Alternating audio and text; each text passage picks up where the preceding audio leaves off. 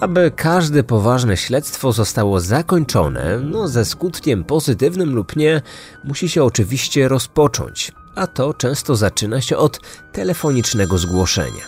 Czasami ludzie podejrzewający, że komuś mogło stać się coś złego, po prostu osobiście udają się na posterunek policji.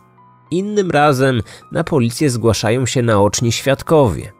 Funkcjonariusz przyjmuje wtedy zgłoszenie, a niedługo później policjanci robią co mogą, aby rozwiązać sprawę i ewentualnie schwytać złoczyńcę.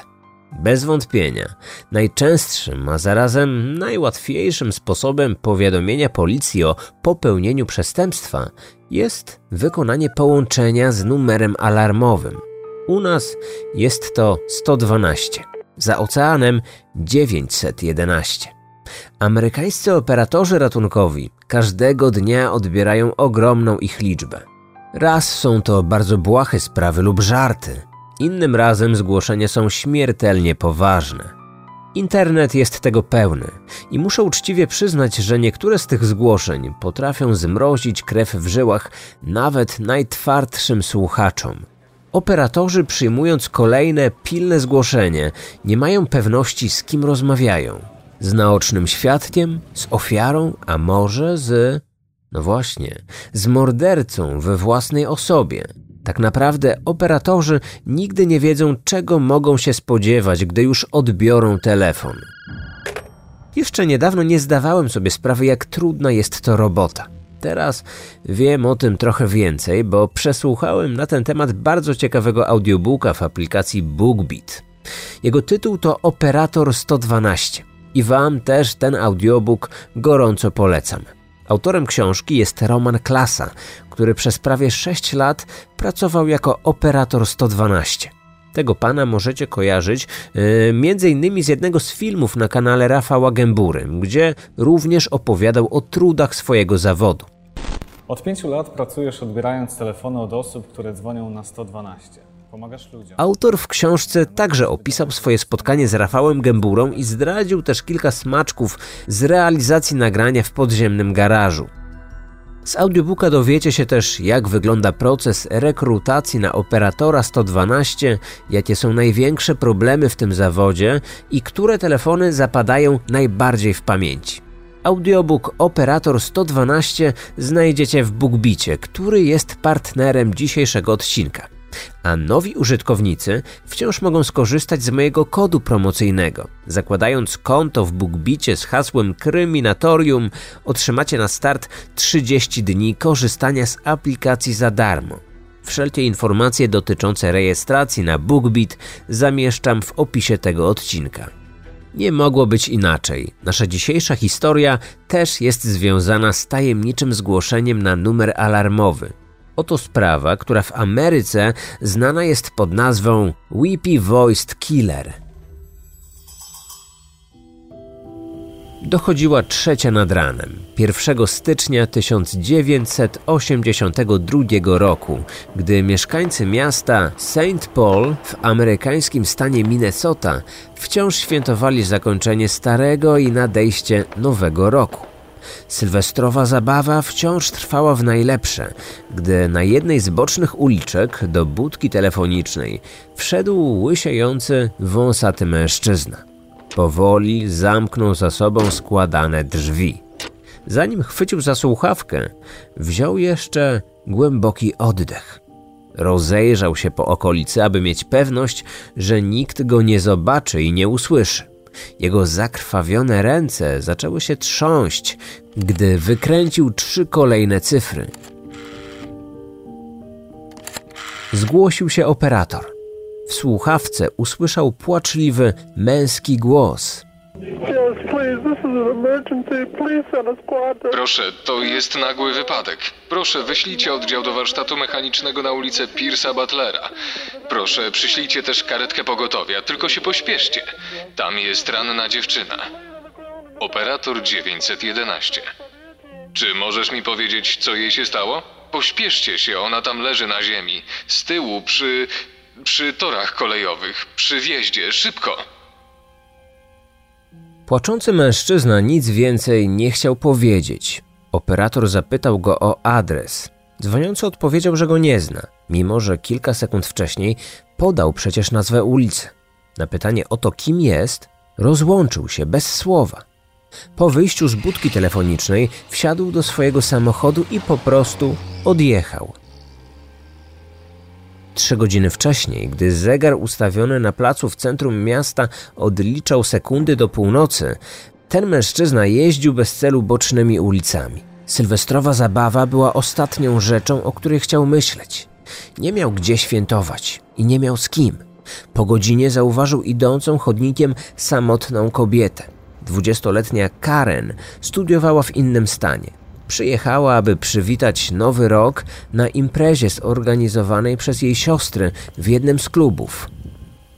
Tuż przed pierwszą w nocy pokłóciła się ze swoim chłopakiem. O to samo co zwykle. On był zazdrosny o jej znajomych z uniwersytetu, ona miała już dość kolejnych oskarżeń o to, że go zdradza. Opuściła klub, nie mówiąc o tym nikomu. Nie zabrała ze sobą nawet swojego płaszcza.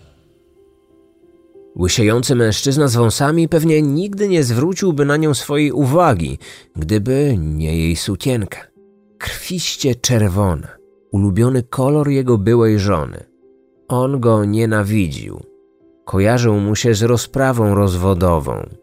Gdy kilka lat wcześniej przestawał być żonaty, kobieta, którą kochał i matka jego córki miała na sobie ubranie właśnie w takim kolorze – ale gdy mijał idącą samotnie studentkę, nie myślał o swojej bolesnej przeszłości.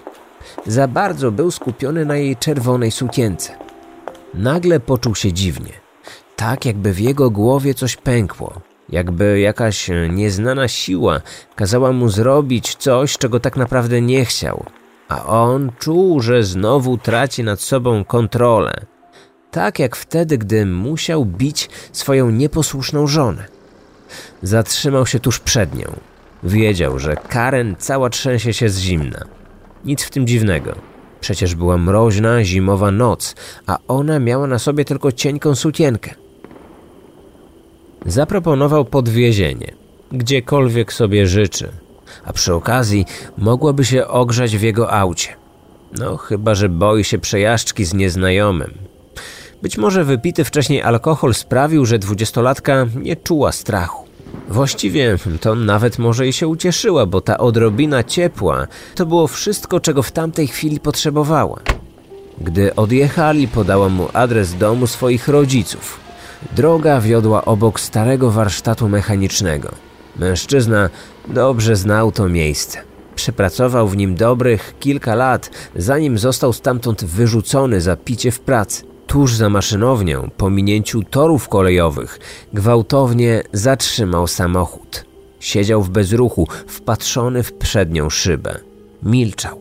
Całkowicie ignorował pytania zadawane mu przez Karen. Co się dzieje? Czy wszystko z nim ok? Dlaczego się tu zatrzymał? Nie odpowiedział.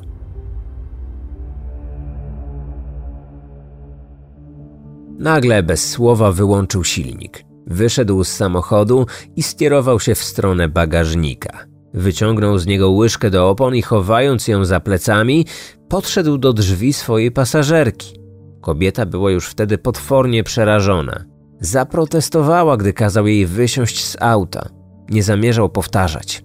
Sam otworzył drzwi i wtedy ją zaatakował.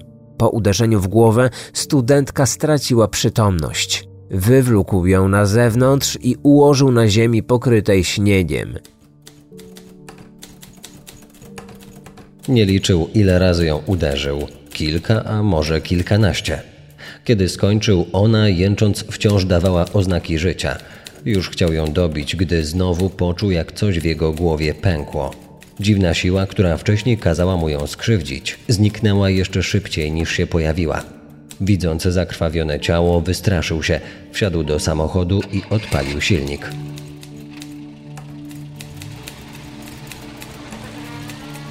Gdy odjeżdżał, nagle cały jego strach zamienił się w poczucie winy. Jak mógł zrobić coś tak potwornego? Przecież ona teraz cierpiała. Pomyślał, że jeśli czegoś nie zrobi, to dziewczyna umrze. Musiał ją ratować. Zatrzymał się więc kilkaset metrów dalej na bocznej uliczce, tuż przy budce telefonicznej. Zmuszony przez wyrzuty sumienia, zadzwonił pod numer alarmowy. Na wskazane przez niego miejsce natychmiast wysłano karetkę pogotowia. Razem za nią przyjechał policyjny radiowóz. Choć stan dwudziestolatki lekarz określił jako bardzo ciężki, wciąż żyła. Policjanci nie odnaleźli w pobliżu żadnych dowodów, które mogłyby pomóc w ustaleniu tożsamości napastnika. Nie pomogła również ofiara, która po odzyskaniu przytomności niczego nie pamiętała z powodu poważnego uszkodzenia mózgu. Nie udało się także ustalić motywu napaści, ponieważ kobieta nie została ani okradziona, ani wykorzystana seksualnie. Policyjne śledztwo szybko utknęło w martwym punkcie.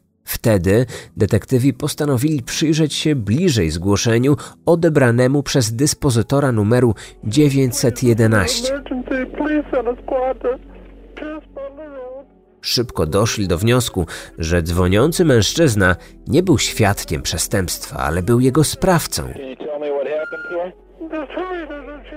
Ich domysły potwierdził wkrótce policyjny psychiatra. Emocjonalna reakcja i płaczliwy ton dzwoniącego może być wynikiem odczuwania przez niego wyrzutów sumienia. Poczucie winy zmusiło go do wyrażenia skruchy połączonej z zadośćuczynieniem za zło, jakie wyrządził. Może to wskazywać na osobę, która została wychowana przez bardzo religijnych rodziców. Nauczony, że tylko poprzez wyznanie swoich grzechów może odpokutować własne winy, potraktował ten telefon jako swoistą spowiedź. Chciał wyznać swój grzech, aby oczyścić własne sumienie i uratować duszę.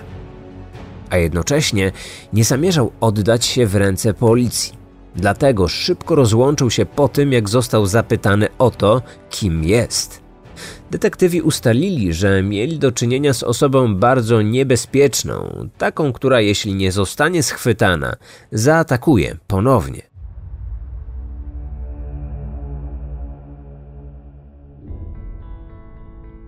Po powrocie do domu mężczyzna był przerażony. Wiedział, że policja zrobi wszystko, aby go odnaleźć. Następnego dnia udał się do kościoła. Usiadł na ławce i płakał. Modlił się, aby już więcej nie zgrzeszyć w taki sposób. Bardzo uważnie oglądał telewizyjne wiadomości i czytał gazety. Ucieszył się, że kobieta, którą zaatakował, przeżyła. Ale z drugiej strony bał się, że złożyła zeznania i kwestią czasu było to, że zostanie schwytany i zamknięty w więzieniu. Tymczasem mijały kolejne dni, a do jego drzwi nadal nie pukali policjanci. W końcu zaczął myśleć, że przestępstwo, jakie popełnił, uszło mu na sucho. Choć nadal odczuwał wyrzuty sumienia, jednocześnie bał się, że któregoś dnia znów coś pęknie w jego głowie, a on ponownie nie będzie umiał nad sobą zapanować i że wtedy jego ofiara może tego nie przeżyć. Dlatego przez kolejnych sześć miesięcy praktycznie nie wychodził z własnego domu. Unikał ludzi, odwracał głowę, gdy na ulicy mijała go jakaś kobieta. Już nie bał się policji, bał się samego siebie. 3 czerwca 1981 roku wyszedł tylko na obiad do restauracji. 18-letnia Kimberly Compton miała to nieszczęście, że usiadła przy sąsiednim stoliku i miała na sobie czerwoną bluzkę, na którą od razu zwrócił uwagę. Była nowa w mieście, nikogo nie znała. Gdy podczas rozmowy zaproponował jej wycieczkę po okolicy, ucieszyła się, że poznała miłego faceta. Gdy dziewczyna wsiadła do jego samochodu, obiecał zabrać ją do najpiękniejszego miejsca widokowego w mieście. Jadąc nad rzekę, znowu poczuł, jakby jego głowa chciała eksplodować. Już znał to uczucie i wiedział, że z tej podróży wróci tylko on. Po zaparkowaniu zaproponował, żeby wysiadła i rozejrzała się. Tak też zrobiła.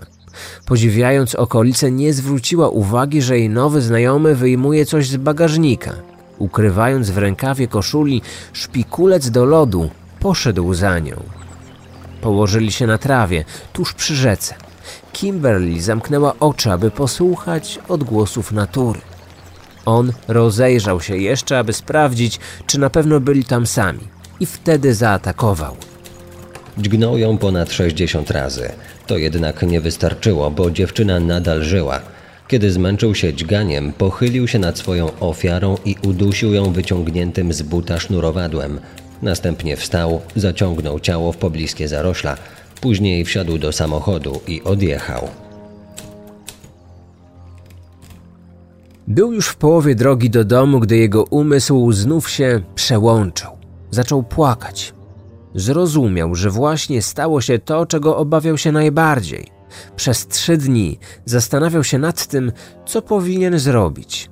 Dobrze wiedział, że tym razem było już za późno na jakikolwiek ratunek, a mimo to i tak postanowił zadzwonić. Wyrzuty sumienia było u niego tak silne, że musiał komuś wyznać swój grzech. Potrzebował spowiedzi.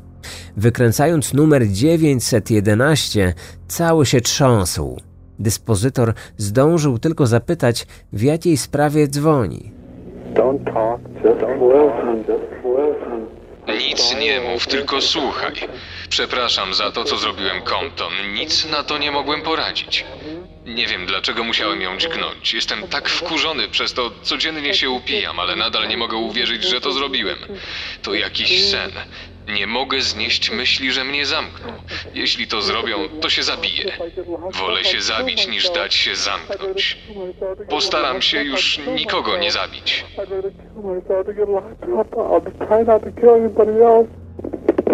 Dyspozytor popełnił błąd, uznając, że takie przesadnie emocjonalne wyznanie płaczącego mężczyzny jest jedynie słabym żartem jakiegoś pijanego włóczęgi. Choć rozmowa została zarejestrowana na taśmie, nie trafiła do policjantów.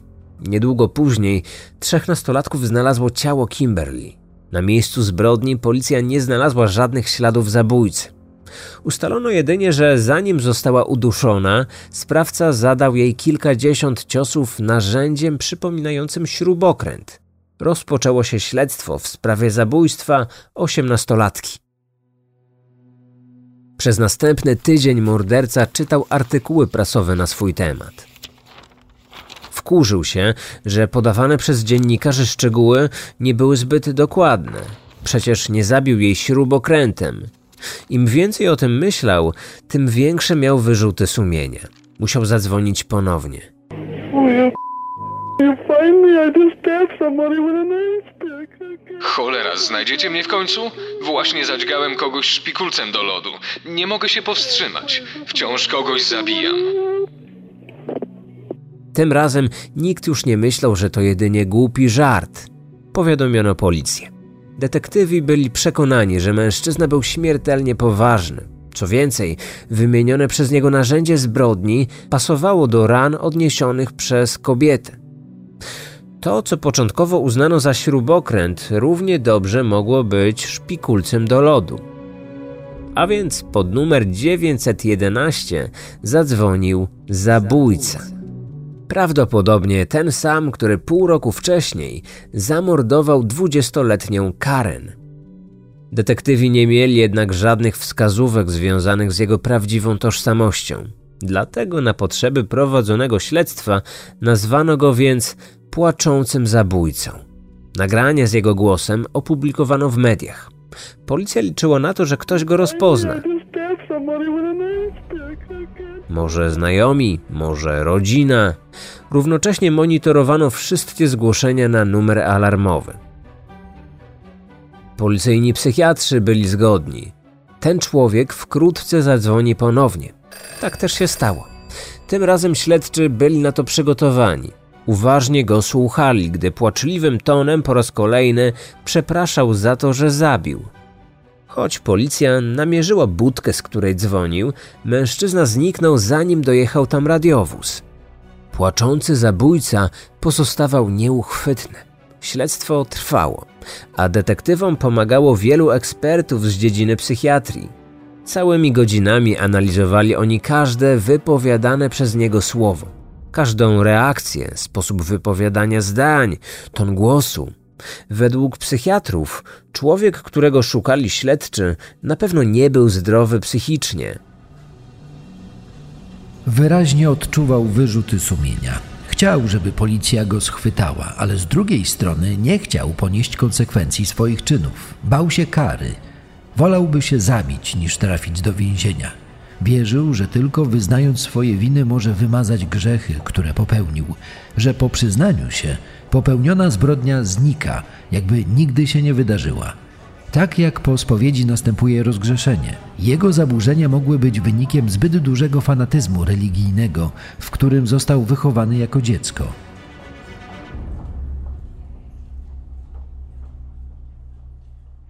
W czasie, gdy płaczący zabójca zmagał się z narastającym w nim poczuciem winy, policja robiła wszystko, aby go zidentyfikować. Upublicznienie jego głosu nic jednak nie dało. Nikt się nie zgłosił, nikt go nie rozpoznał. Gdy przez następny rok morderca nie dał znaku życia, śledztwo utknęło w martwym punkcie i wtedy zaatakował po raz kolejny. 21 lipca 1982 roku w swoim własnym domu zamordowana została 33-letnia Katrin. Kobieta została utopiona w wannie podczas kąpieli. Nie wiadomo, dlaczego zaatakował właśnie ją. Być może, gdy zobaczył ją po raz pierwszy, miała na sobie coś w czerwonym kolorze.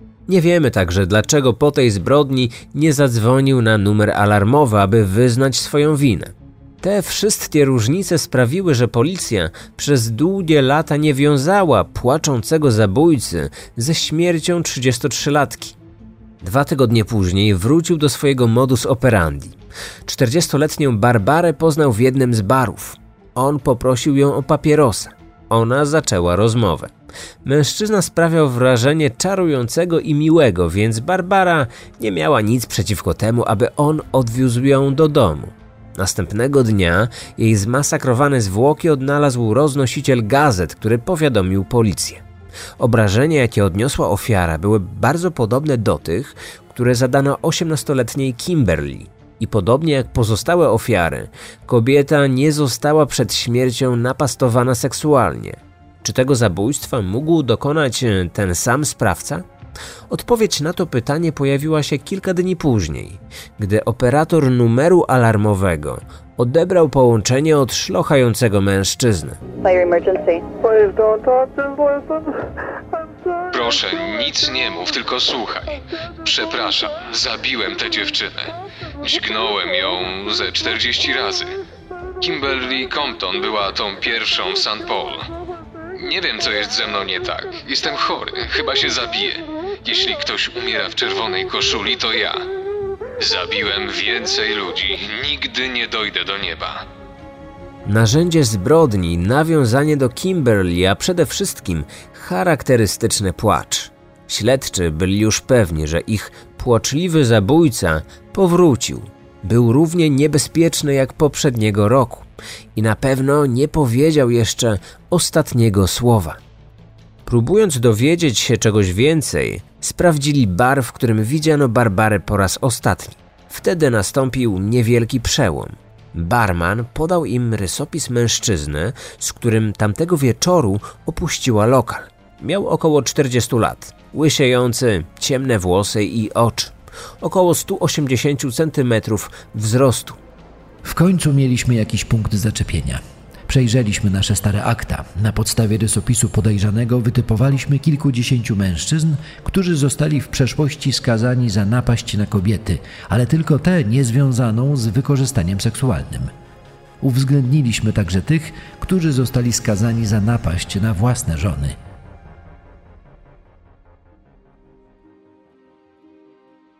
Barman od razu wskazał jedno ze zdjęć. Był na nim 37-letni Paul Michael Stefani, skazany w 77 roku za pobicie żony. Świadek miał pewność, że to właśnie ten mężczyzna najpierw rozmawiał z Barbarą, a później razem z nią wyszedł z baru. Zapamiętał go dobrze, bo kobieta w chwili, gdy regulowała rachunek, powiedziała barmanowi w żartach, że ma nadzieję, że ten facet nie jest żadnym psychopatą, bo ona potrzebuje kogoś, kto odwiezie ją do domu. Jej żart okazał się tragiczną przepowiednią. Sprawdzono życiorys Paula. Wszystko się zgadzało, nawet wnioski psychiatrów. Mężczyzna wychowany został w bardzo religijnej rodzinie. Ojciec od najmłodszych lat bił go za każdy grzech, jaki popełnił. Później kazał mu się spowiadać i wyrażać skruchę. Gdy Pol się przyznawał, ojciec nagle z tyrana zmieniał się w najmilszą osobę na świecie. Grzechy chłopca zostawały odpuszczone i wszystko wracało do normalności. Jako dorosły człowiek, Paul Stefani nie potrafił nawiązać normalnych relacji z kobietami. Co prawda, ożenił się i miał córkę, ale jego małżeństwo nigdy się nie układało. Wzorem swojego ojca karał żonę za każdy jej grzech. Później miał wyrzuty sumienia. Przepraszał i żałował swoich czynów. Podobnie postępował, gdy po rozwodzie próbował się związać z innymi kobietami. Grzech oznaczał karę. Spowiedź była jedyną drogą do przebaczenia. Czy ofiary płaczliwego zabójcy zostały przez niego ukarane właśnie za popełnienie grzechów? A może jedynie przypominały mu kobiety z jego życia, które grzeszyły? Policjanci nie znali odpowiedzi na to pytanie. A co najważniejsze, nie mieli żadnych dowodów łączących go z atakami na kobiety. Postanowili go jednak przesłuchać. Zanim to zrobili, zaatakował po raz kolejny. W nocy 20 sierpnia 1982 roku 19-letnia prostytutka Denis ubrana była w czerwoną sukienkę. Dlatego ją zauważył. Zatrzymał swój samochód tuż przy niej i zaproponował 100 dolarów za seks.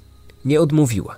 Przywiózł dziewczynę do swojego domu, a gdy było już po wszystkim, zaproponował, że odwiezie ją do domu. Zgodziła się bez namysłu. Zaczęła się bać dopiero wtedy, kiedy w czasie jazdy Paul zaczął jej opowiadać o tym, jak bardzo żałuje zbrodni, które popełnił. Zażądała, aby się natychmiast zatrzymał. Posłuchał i wjechał na nieoświetlony parking w odludnej okolicy.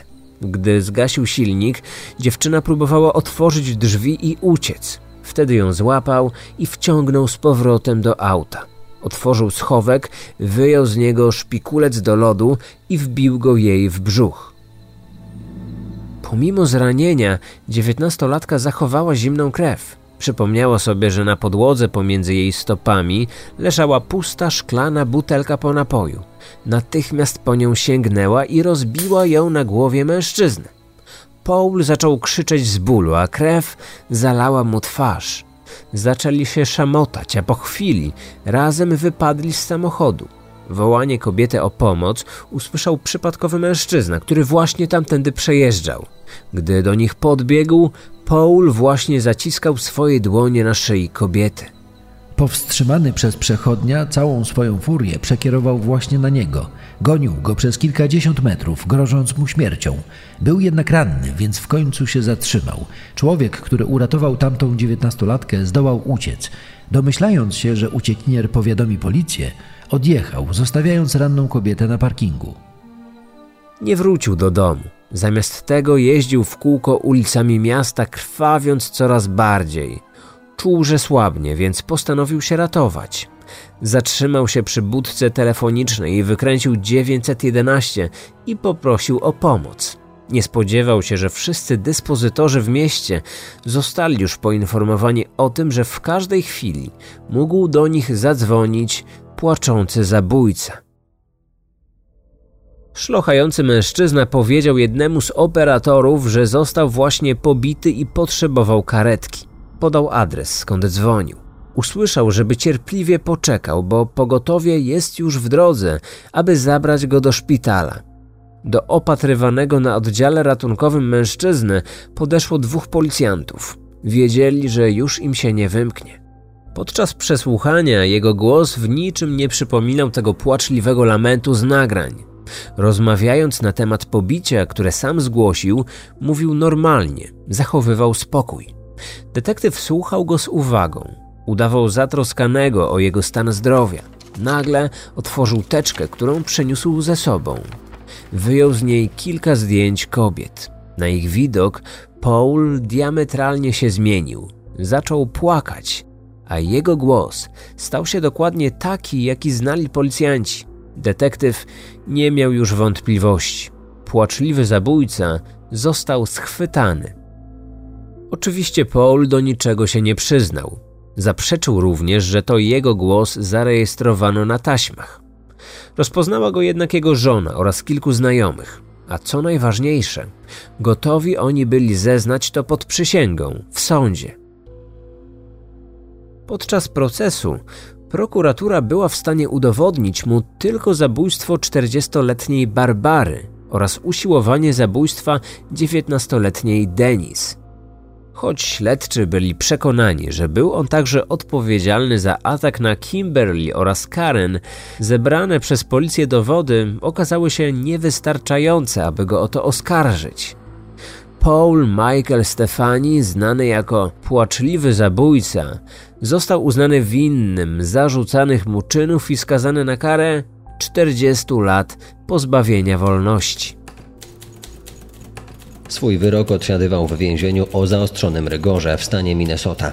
W grudniu 1997 roku u 53-letniego więźnia zdiagnozowano raka skóry z przerzutami. Diagnoza lekarska nie pozostawiała złudzeń. Pozostał mu wówczas nie więcej niż rok życia. I właśnie wtedy jego poczucie winy oraz wyrzuty sumienia dały o sobie znać po raz ostatni. Tuż przed świętami Bożego Narodzenia poprosił o rozmowę z policją. Wyznał im całą prawdę o wszystkich swoich zbrodniach. Przyznał się do usiłowania zabójstwa 20-letniej Karen, do zamordowania Kimberly oraz, co było ogromnym zaskoczeniem dla policjantów, do utopienia 33-letniej Katrin w jej własnej wannie. Nigdy wcześniej śledczy nawet nie podejrzewali go o te zbrodnie z powodu całkowicie odmiennego modus operandi. Pół roku później, 12 czerwca 1998 roku, płaczący zabójca zmarł. Odcinek powstał na podstawie podcastów Serial Killers, Morbid, True Crime Podcast i My Favorite Murder. Autentyczne nagrania połączeń płaczącego zabójcy z numerem alarmowym 911 pochodzą z kanału Parkman Magazine, dostępnego w serwisie YouTube.